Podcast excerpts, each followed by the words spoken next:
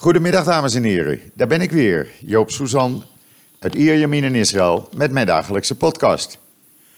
Eh, voordat ik met de podcast ga beginnen, eh, ik weet het, u nog niet. Eh, er komt om twee uur Nederlandse tijd een heel, heel, heel bijzonder artikel met een video op joods.nl. Het is zo bijzonder en het is zo ontroerend. Toen ik de video bekeek, had ik tranen in mijn ogen. Eh, iemand anders binnen joods.nl eh, is hier aan dit artikel gekomen, heeft dit ontdekt, heeft de video gekregen van de direct betrokkenen. En het is bijzonder, bijzonder mooi om die video te zien en het verhaal om twee uur Nederlandse tijd op joods.nl te lezen. Goed, dan gaan we over tot de orde van de dag. En die orde van de dag is het weer. Daar beginnen we zoals gebruikelijk altijd mee. Ja, eh, moet ik ervan zeggen, het is eh, wel een beetje zonnig, maar het is koud. Eh 17, 18 graden of zo. Eh, en het is nu alweer aan het afkoelen. En de komende dagen komt er enorm veel regen weer deze kant op. Eh, we hebben even twee dagen droog weer gehad. Maar eh, het komt in dezelfde hoeveelheid weer terug.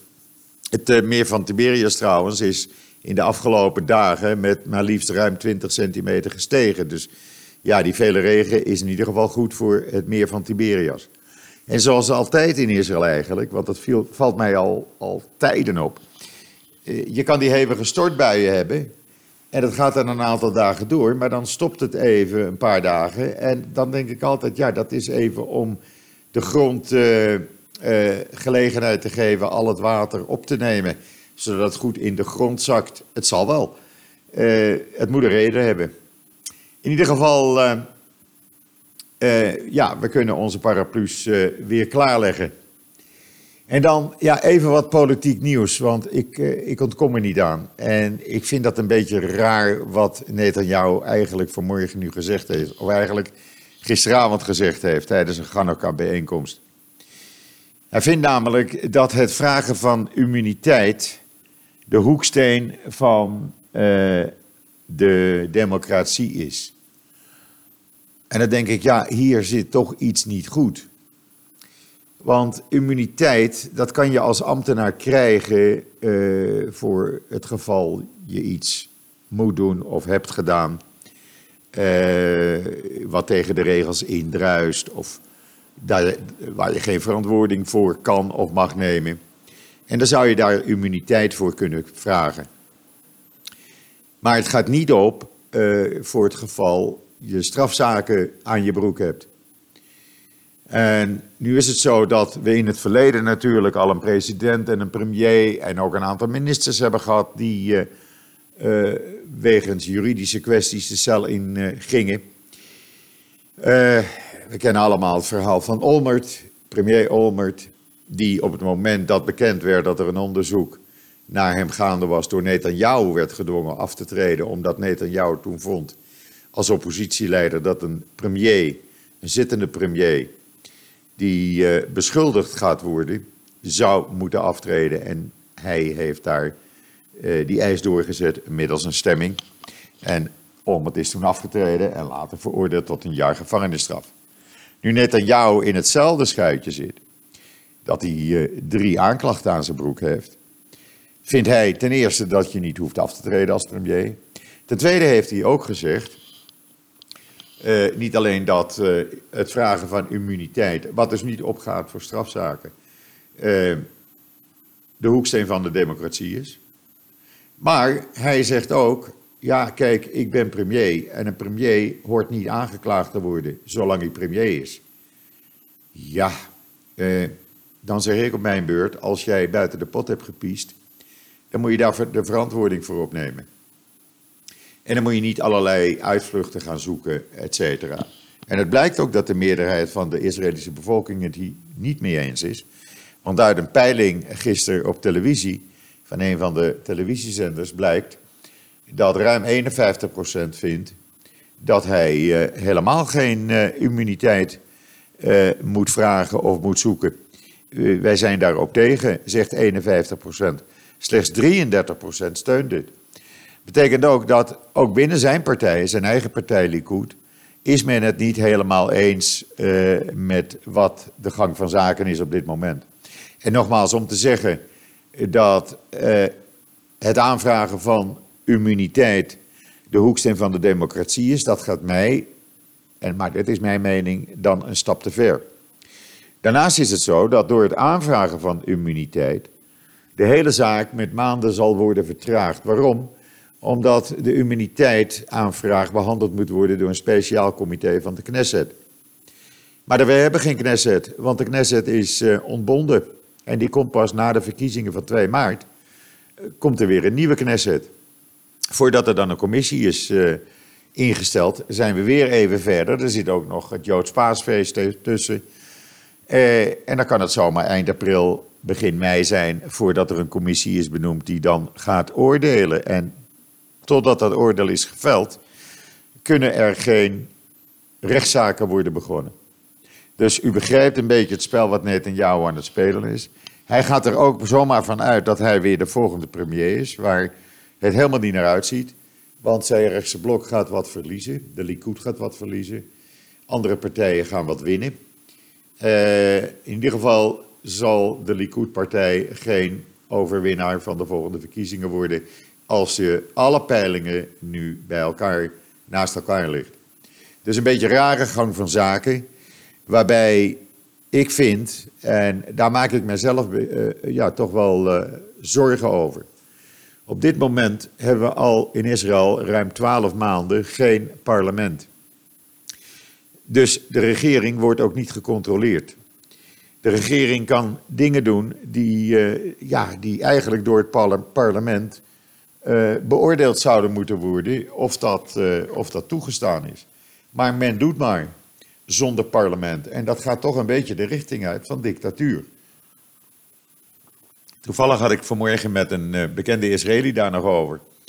En die was het ook volledig met mij eens. En hij zegt, ja, maar dit is ook de algehele tendens in het land op het ogenblik. Omdat men, men eigenlijk dit hele spel van Netanyahu zat is geworden. En men vindt drie verkiezingen binnen een jaar, ja, waar zijn we in vredesnaam mee bezig? En ondertussen uh, is het begrotingstekort tegen de 4%. Uh, uh, Oude vandaag hebben geen verhoging gekregen van hun was toegezegd in de zomer van 2018. er is geen budget voor niets, infrastructuur, openbaar vervoer. Er gebeurt gewoon niets in het land. Terwijl ondertussen ook alles duurder wordt. Bijvoorbeeld roomboter wordt niet meer gemaakt in Israël. Omdat de fabrieken vinden, ja, als wij de prijs niet mogen verhogen van de regering, dan stoppen we gewoon met de productie. Dus moet je nu een pakje roomboter kopen, als je dat nodig hebt, uit Finland. En dat kost je 4,5 euro. Ja, u hoort het goed, 4,5 euro voor een pakje Finse roomboter. Ja, dat is natuurlijk te gek voor woorden. Dat kan gewoon niet. En uh, ja, uh, ik ga niet zeggen dat Netanyahu daar schuldig aan is, maar het feit dat we geen uh, Knesset hebben, geen parlement, dat, uh, ja, dat ligt daar aan te, ten oorzaak. Laten we het zo maar zeggen. Er kan dus niets besloten worden. Goed, maar even wat positief nieuws ook maar. Want gisteravond heeft president Rivlin het laatste Chanukka-lichtje aangestoken, de achtste kaars. En dat deed hij met kinderen uit de buurt, alle kinderen van mensen die in uh, de presidentiële residentie werken, uh, de kinderen daarvan, en kinderen van een aantal speciale onderwijsorganisaties. en dat is heel bijzonder. Hij heeft ook een toespraak gehouden tegen deze kinderen. En hij zei ook, Bet Hanassi, het huis van de president, is ook jullie huis. Het is het huis van het hele volk van Israël. Ja, heel bijzonder. Ik vind uh, Rivlin altijd een beetje grootvaderfiguur. En zo gedraagt hij zich ook. En hij wordt in Israël op handen gedragen. Uh, niemand die ooit kritiek op, hem heeft. Ja, politici, omdat hij de waarheid zegt. En dan hebben we gisteren nog even een eerbetoon aan de vrouwen van de IDF uh, in een video op JoodsNL gezet. Want ja, die meiden die doen, die doen toch maar gewoon in gevechtsunitsdienst en doen niet voor, voor de mannen onder. En het is een hele leuke video. je ziet gewoon jonge Israëlische meiden die, die in gevechtsunits zitten. met zware bepakking rondrennen. leuk om te zien en goed om te zien dat men dat doet. Alleen al afgelopen zomer hebben de duizend jonge vrouwen zich aangemeld voor gevechtsunits binnen de IDF. Nu we het toch over de IDF hebben. Er is één vrouw geslaagd als flight engineer uh, op een uh, Hercules, militair Hercules vrachtvliegtuig. Israël heeft een aantal van die Hercules toestellen. Zij is dus nu piloot, officieel dus flight engineer. Daar komt bij dat ze niet alleen een vrouw is, ze is ook nog eens een keer orthodox. En ze heeft een donkere huid omdat haar vader uit Somalië komt. Heel bijzonder verhaal. En zij zegt, uh, ja, uh, ik wou dit gewoon, ik doe dit gewoon. Uh, en het is, het is mijn, ja, niet alleen mijn voorrecht, maar ik vind het fantastisch dat ik nu bereikt heb als religieuze vrouw wat ik als kind wilde. En dat ik op zo'n groot Hercules vliegtuig mag vliegen. Ja, echt fantastisch. Lees het verhaal. Echt heel bijzonder.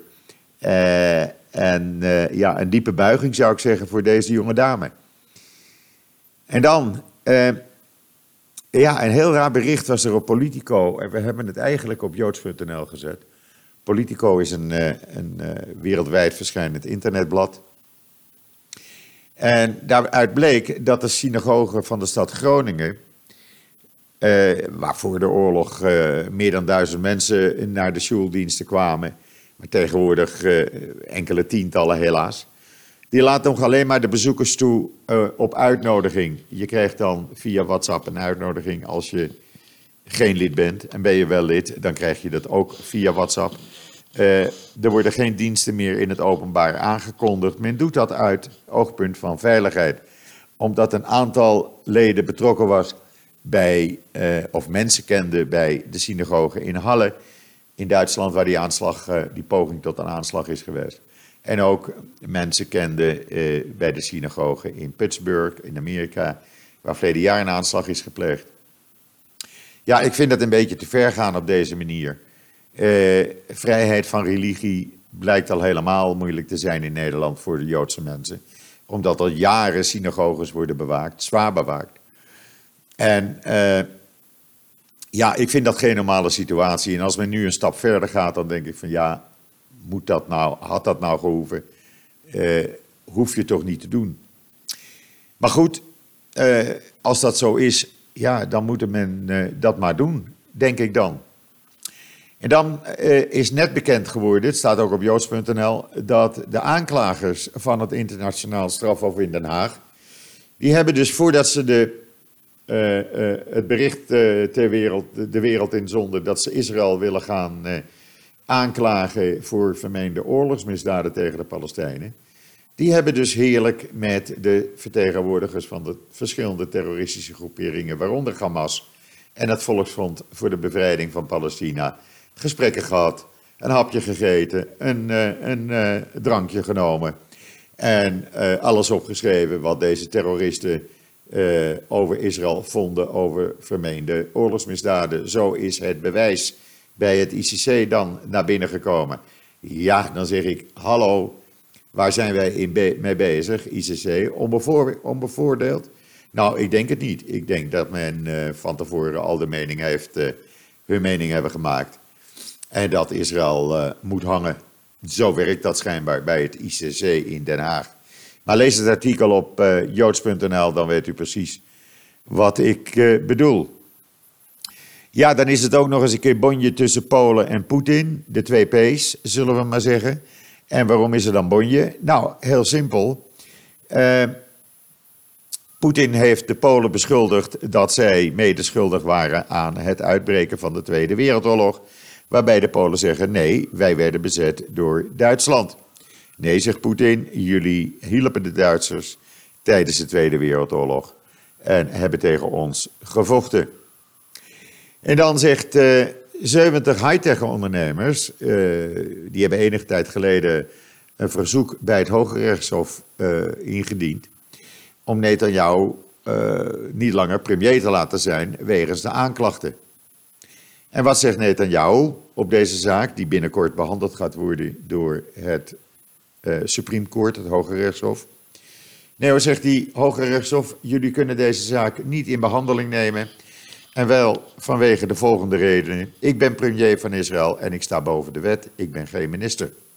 Dat is zijn antwoord tegen het Hoge Rechtshof. Ja, ik vind, eh, ik zei het net ook al, ik vind het een beetje te ver gaan. Dan heeft meneer Trump meneer Poetin eh, bedankt. Of uh, meneer Poetin heeft meneer Trump bedankt. Voor de hulp van Amerika bij het voorkomen van terreuraanslagen in de afgelopen dagen in, uh, in Rusland. Dus ja, die zijn dus weer vriendjes, zullen we het zo maar zeggen. En de pastoor van de kerk waar de antisemiet die vijf mensen in het Amerikaanse stad Muncie in de staat New York heeft neergestoken. De pastoor zegt, ja, nee, deze man is geen terrorist, hij is geen antisemiet. Hij is een verward persoon. Dan denk ik, ja, goh, zou dat een Nederlandse pastoor zijn of zou die vaak naar het Nederlandse nieuws luisteren? Want in Nederland wordt dat toch ook, uh, ook constant geroepen een terrorist, u heeft dat gisteren nog kunnen horen in mijn gesprek met Esther Voet op podcast. Eh, dat eh, ja, terroristen bestaan niet in Nederland, dat zijn allemaal verwarde personen. En deze pastoor zegt dus nu hetzelfde. En dan een mevrouw Khalida Yarar. Zij is een van de leiders van de terreurgroep PFLP, de Palestijnse terreurgroep. En uh, zat ook in het eh, Palestijnse parlement. Ik zou de haast uh, overvallen over dat woord. Maar goed, dat parlement dat is al jaren niet bij elkaar gekomen, dus daar kan je dan wel in zitten. Maar dat stelt dan ook niks voor. Maar zij was dus een van de leiders, of eigenlijk de leider van die 50-koppige terreurcel die Bet de afgelopen maanden heeft opgepakt. En ook met deze dame trouwens heeft het ICC gesproken voordat ze werd opgepakt. Dus terroristen tellen voor het ICC zwaarder dan uh, wat Israël zegt. En dan heeft Hamas heeft een groep Palestijnse veiligheidsagenten in Gaza opgepakt. En dan zult u zeggen, waarom doen ze dat? Hebben ze ruzie? Nee, geen ruzie. Maar zij beschuldigen die veiligheidsagenten ervan dat ze Israël hebben geholpen bij het definitief naar de andere wereld brengen van meneer Alu Abu Atta. En meneer Atta, die was een van de leiders of een van de commandanten van de Palestijnse Islamic Jihad. Uh, Mickey Cornelissen van het NIW heeft een heel mooi verhaal online bij het NIW gezet. Dat heet Ingezet als wisselgeld. En dat gaat uh, over haar eigen uh, familiegeschiedenis. Uh, Turkse Joden en van haar moederskant, die rond 1930 naar Nederland kwamen. Ze heeft dat helemaal beschreven. Het is een prachtverhaal om te lezen. En ik zou het u aanraden even op de website van het NIW te kijken. Dan gaan we naar joods.nl natuurlijk, om dit artikel even door te lemen. En dan, uh, ja, voor de rest, ook in Israël, alhoewel we geen oud en nieuw vieren, het nieuws is een beetje mager op het ogenblik. Maar ja, dat heeft er ook mee te maken dat er veel mensen op vakantie zijn. Uh, hier zijn de scholen nog dicht. Nou, de elkaar, ik geloof dat ze morgen weer open gaan of zo. In ieder geval, hier wordt niets gedaan aan oud en nieuw. Wel in een aantal hotels natuurlijk, maar voor de rest... Ja, woensdag is een gewone werkdag hier in Israël. Uh, en dat merk je dus niet. Je hebt dus ook geen last van vuurwerk, gelukkig. Dus wel zo rustig. Het blijft alleen een beetje raar dat ik eh, dan uh, uit Nederland s'nachts om 12 uur gebeld gaat worden. En, ja, dus ik heb al tegen iedereen gezegd, laat mij maar lekker slapen. Want dan is het hier al één uur. En uh, we zien het uh, wel op nieuwjaarsdag allemaal. Maar het blijft natuurlijk raar dat in het grootste gedeelte van de wereld wordt oud en nieuw uitbundig gevierd. Maar in Israël, ja, Je merkt er weinig van. eh, of ja, je moet naar een hotel toe gaan. En dan, eh, dan merk je het wel natuurlijk. Dan kan je meevieren. Dus ja, zo dadelijk komt dat bijzondere verhaal op joods.nl. Echt een bijzonder verhaal. Nogmaals, ik had tranen in mijn ogen. En dat gebeurt niet zo vaak. Toen ik die video zag. Het is echt, echt iets bijzonders. Ik denk dat u, eh, ja, dat u allen ontroerd bent als u dit om twee uur zo dadelijk online ziet staan op joods.nl. Dus ga dat lezen. Dan rest mij eh, niets anders om u nog een hele fijne voortzetting van deze maandag, de 30 december, toe te wensen. De één, eh, na laatste dag van het jaar. En eh, wat mij betreft zeg ik zoals iedere dag tot ziens, tot morgen.